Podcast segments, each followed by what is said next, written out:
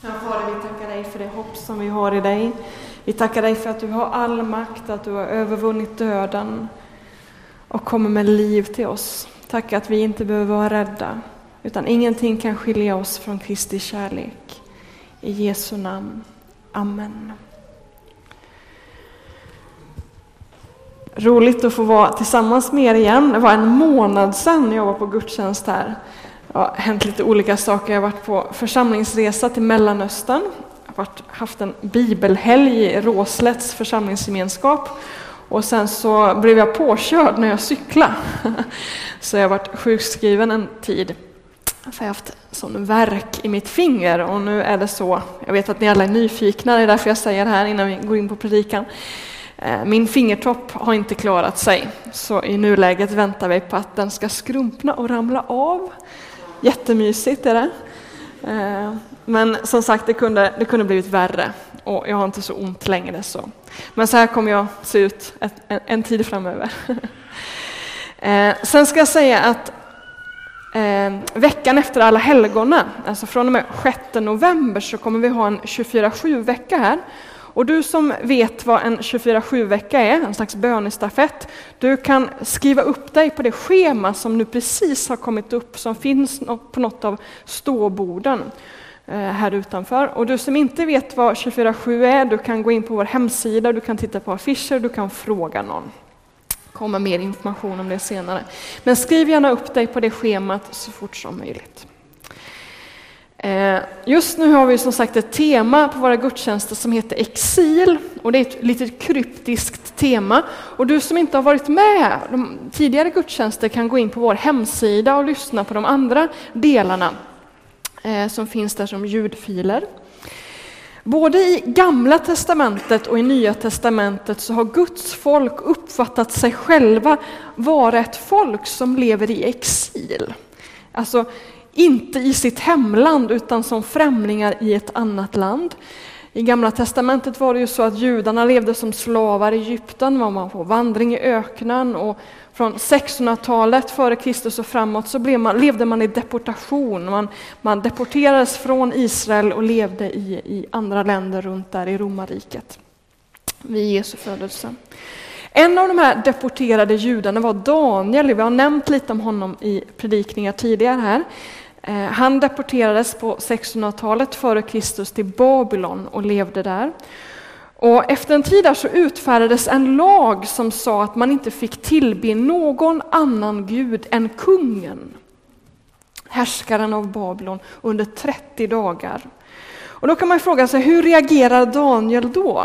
När han får det här, det här påbudet att nu får man inte be till någon annan än till kungen? Jo, så här står det i Daniel kapitel 6, vers 10. När Daniel fick veta en sådan förordning hade utfärdats gick han hem. Fönstret på, fönstren på övervåningen vette mot Jerusalem och där föll han tre gånger om dagen på knä och bad och tackade sin Gud som han alltid hade gjort. Alltså Daniel, han fortsätter att praktisera sin tro. Han fortsätter att be och tillbe sin Gud. Eh, han tog inte en 30 dagars paus, utan han ser den här regelbundna bönen som viktig. Att han fortsätter att tre gånger om dagen tillbe sin Gud. Och så står det vidare att han, han, eh, just det, den som, den som eh, trotsade det här förbudet eh, hotades med att bli kastad i en lejongrop och så skedde ju också. Daniel blev kastad i en lejongrop. Och så står det att eftersom Daniel litade på sin Gud så beskyddade Gud honom. Och det leder senare till att kungen också börjar tillbe Daniels Gud. Det är så berättelsen slutar. Vi ska komma tillbaka till det sen. Det var inte bara judarna som uppfattade sig vara ett exilfolk, utan det gjorde även eh, de första kristna. Eh, de första kristna betraktade sig som medborgare i Guds rike, det som vi slarvigt ibland kallar för himlen. Alltså himlen är ju, eller Guds rike är ju det rike som en dag kommer bli etablerat, ta form här på jorden vid Jesu återkomst. Eh, så de kristna betraktade sig också vara i exil, på väg mot ett, ett hemland som Jesus skulle låta etablera här på jorden. Eh, man levde som främlingar i den här världen. Men i slutet av 300-talet, och Fredrik har pratat om det här tidigare i predikan, så, så hände det någonting då kejsar Konstantin gjorde kristendomen till en statsreligion i riket. Och då började man med våld och förtryck med statens hjälp att försöka etablera det här Gudsriket redan här och nu. Och här blev det något riktigt, riktigt tokigt. Eh, Guds folk gick från att vara ett folk som hade blivit förtryckta till att bli ett folk som förtrycker andra, andra religioner. Och nu, nu, nu, glömde jag avslöja vad som var temat just för den här predikan. Det är hur ska vi som kristna förhålla oss till andra religioner? Det är frågan vi snart kommer in på.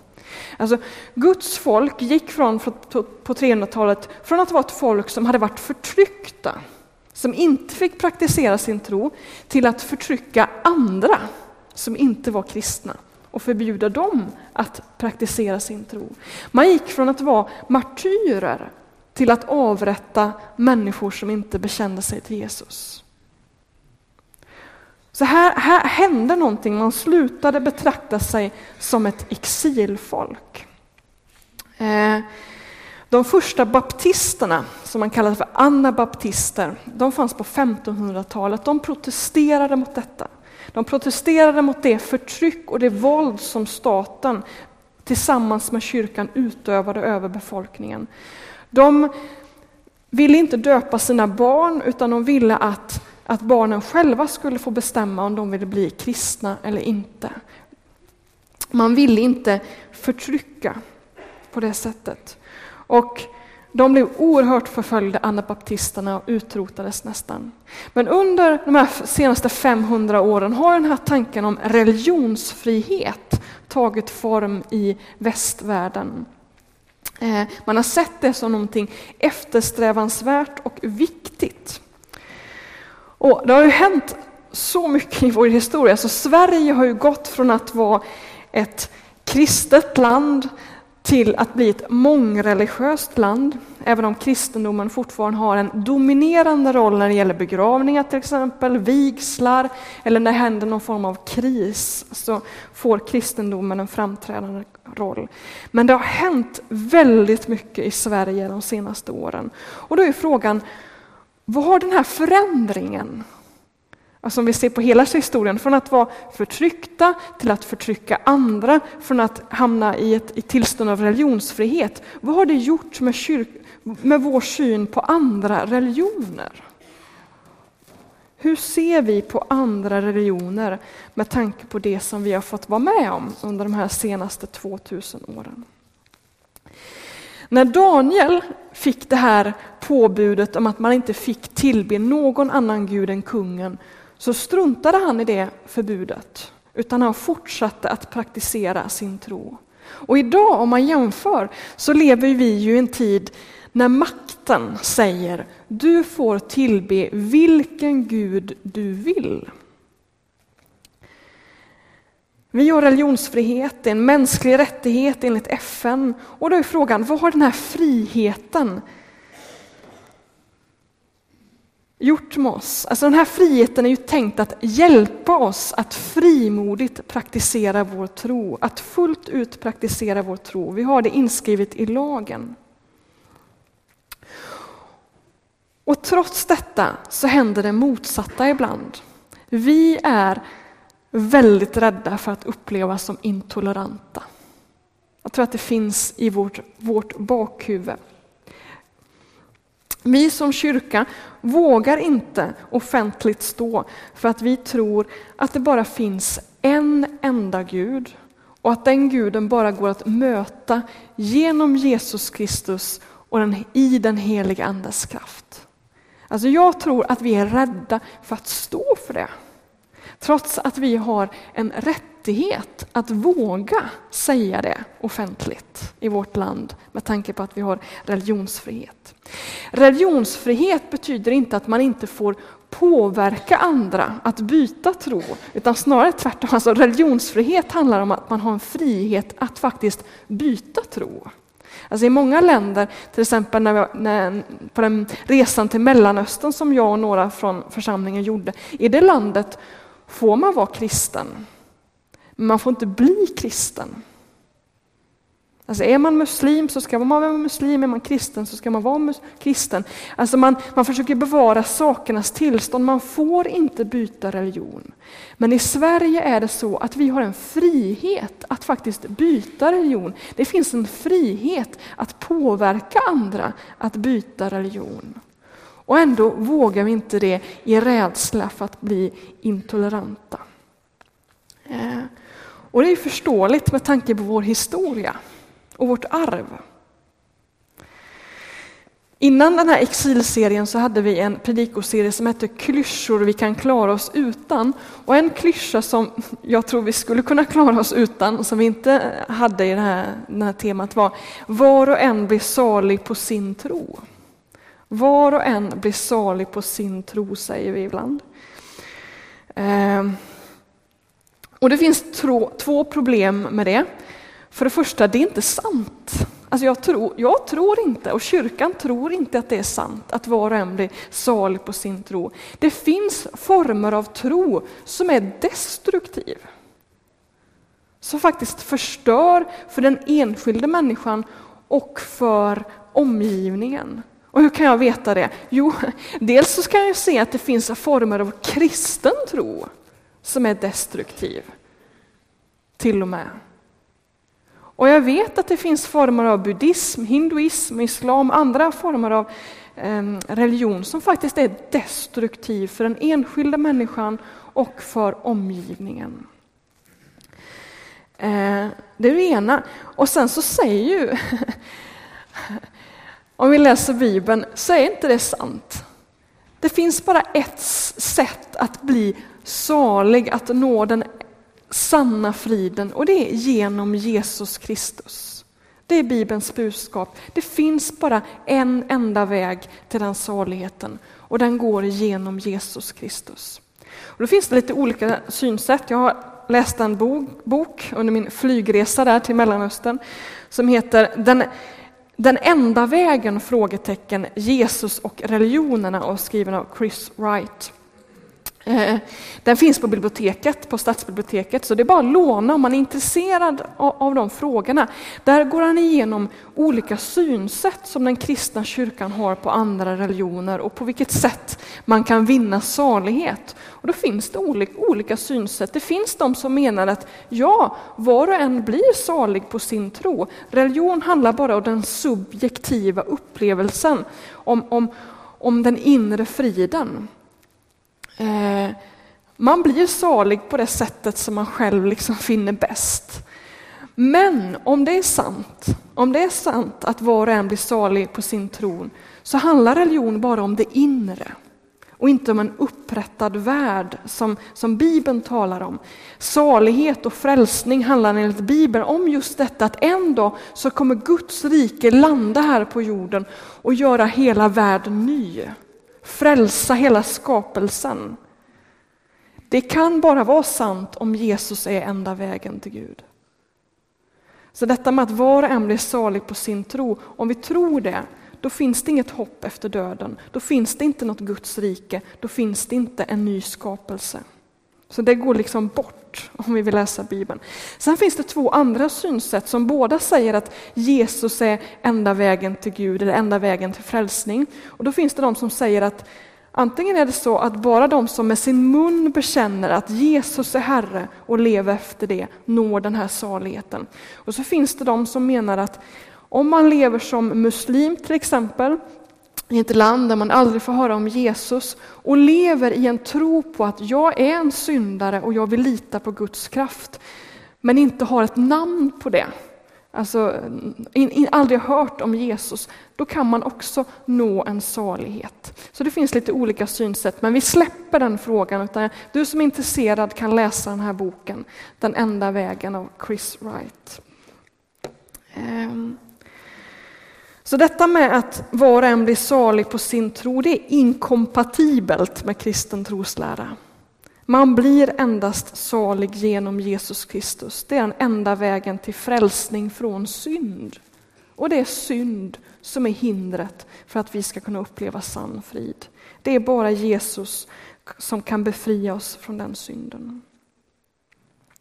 Det andra knepiga med den här, den här klyschan det är att det här med religion och mission och evangelisation inte bara handlar om att människor ska bli saliga. Alltså det är inte... Vi missionerar inte primärt för att människor ska bli saliga. Så här säger Jesus i missionsbefallningen, det är det sista han säger innan han stiger upp till Faderns härlighet. Så här står det i Matteus evangeliet. De elva lärjungarna begav sig till Galileen, till det berg dit Jesus hade befallt dem att gå. När de fick se Jesus föll de ner och hyllade honom, men några tvivlade. Då gick Jesus fram till dem och talade till dem. Åt mig har getts all makt i himlen och på jorden. Gå därför ut och gör alla folk till lärjungar. Döp dem i Faderns och Sonens och den helige Andes namn och lär dem att hålla alla de bud jag har gett er. Och jag är med er alla dagar till tidens slut. Alltså varför ska vi missionera? Jo, vi har ju ett därför i den texten. För att Jesus är världens Herre. För att Jesus är världens Herre. Det är ett faktum som världen måste underordna sig. Det här är ett, ett objektivt faktum, alltså det är så här. Jesus har all makt. Och ändå, du kan läsa om det till exempel i Filipperbrevet 2, ändå kommer alla människor tvingas att erkänna det. De som tillhör andra religioner och de som inte tillhör någon religion alls kommer en dag att tvingas att falla på knä och bekänna att Jesus är Herre tillsammans med alla kristna. Alltså det är ett faktum som världen går mot. Och det kan låta väldigt intolerant, men det är ett faktum. Det är ett faktum med Bibeln. Det kan ju vara så att Bibeln är fel, har fel, alltså det är en möjlighet. Det finns ju en möjlighet att Jesus inte är Herre. Och då har kyrkan fel. Men om du vill tillhöra kyrkan, om du vill vara en kristen, då är det detta du har att ta, ta ställning till. Att tro att Jesus är Herre och att hela världen går mot det. Den dagen då alla människor ska falla på knä inför honom. Fram tills den dagen, fram tills den dagen då Jesus kommer tillbaka, så råder ju någon form av religionsfrihet. Och den är inte stiftad av FN, utan det är ju att faktiskt Gud tillåter andra religioner. För en tid. Gud tillåter andra religioner i den meningen att han ännu inte tvingar människor att erkänna Guds välde. Men tills den dagen så uppmanar ju Jesus att världen frivilligt ska underkasta sig Guds herravälde. Jesus uppmanar var och en att frivilligt bekänna att Jesus är Herre och börja leva ut det också. Att leva under det herraväldet. Och Jesus har ålagt de människor som har den bekännelsen att Jesus är Herre att faktiskt sprida den uppmaningen. Att missionera, att evangelisera, att uppmana människor att erkänna detta faktum att Jesus är Herre. Och det ska vi göra. Vi, vi, vi, ska göra lärjungar som bestod i den här texten. Människor som lever efter den här bekännelsen att Jesus är Herre. Det ska vi göra, inte genom tvång, inte genom förtryck, inte genom våld, som faktiskt kyrkan har gjort under århundraden. När man försökt tvinga människor in under det här herraväldet. Ett sådant mandat gav aldrig Jesus. Jesus gav aldrig ett sådant mandat. Vi får aldrig tvinga människor att bli kristna. Vi får aldrig utsätta människor för ett sådant förtryck. Men vi ska vittna om att Jesus har makt. Vi ska försöka demonstrera den makten genom den kraft som bönen innebär talas hela tiden om i apostlärningen att, att, att, att lärjungarna vittnade om Jesu makt och samtidigt så bekräftade anden det här ordet genom mirakel och under. Det är på det sättet vi ska sprida Guds rike. Inte genom våld, inte genom förtryck, men genom att vittna och be att människor ska få se att det är sant. Det är vad vi ska göra.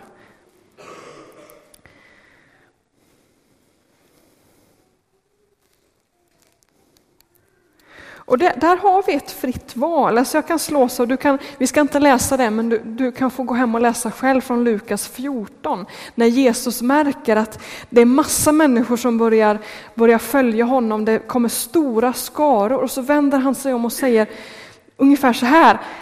Vill ni det här? Vill ni verkligen vara mina lärjungar? Har ni beräknat kostnaden? Har ni funderat på vad det här betyder, vad det får för konsekvenser? Alltså Jesus uppmanar människor att faktiskt göra ett ordentligt val, fatta ett ordentligt beslut. Du måste inte vara kristen. Du har en frihet, både i det här landet men också en frihet att faktiskt säga nej till Jesus. Du är fri att välja. Och den viktiga, viktiga frågan i allt detta är vem tror du har all makt? Alltså den frågan måste du som kristen och du som kanske ännu inte är en kristen fundera över. Vem tror jag har all makt? Om det är så att makten ligger i människans händer, då är det sant att var och en blir salig på sin tro. Då får vi göra vad vi vill, då får vi hitta den vägen som vi själva liksom tycker är bäst.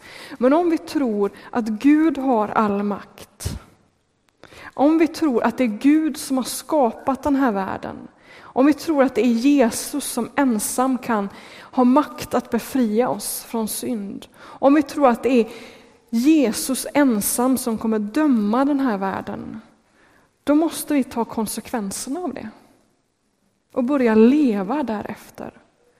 Och det är en sån fråga som, som, jag, får, som jag funderar på när jag läser om Daniel. Vem tror jag har all makt? Vem tror jag har all makt?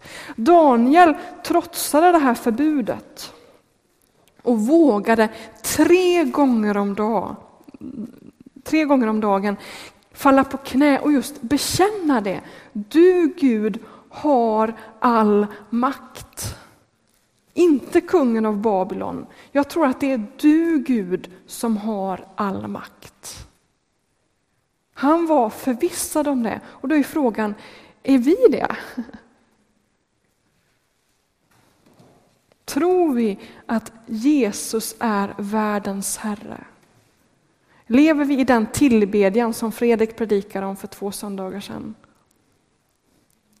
Och vågar vi säga det till våra grannar, till våra arbetskamrater, till våra familjemedlemmar, de i släkten. Vågar vi säga det att jag tror att Jesus har all makt och att han är enda vägen till frälsning.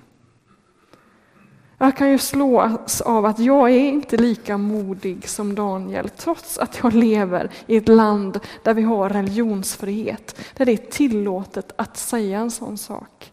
Jesus är världens Herre. Ta konsekvenserna av det. Och när Daniel levde i den troheten, han levde i den här tillbedjan, i den här förtröstan, så händer ju detta att när kungen av Babylon ser Daniels liv, hur han vittnar med sin kropp om det här, den här tron, då leder det till att kungen av Babylon själv börjar tillbe Daniels Gud. Så här utbrister han i den här. Han är den levande guden, han som evigt förblir. Hans rike går aldrig under, hans makt har inget slut. Han räddar och befriar, han gör tecken och under i himlen och på jorden. Daniel har han räddat från lejonen. Alltså, det är det han bekänner. Gud har all makt. Det är det det handlar om. Vem är det som har makten över den här världen? Det är vad religion handlar om. Det handlar inte om salighet främst, utan det handlar om vem tror vi har all makt och vem är värd vår tillbedjan.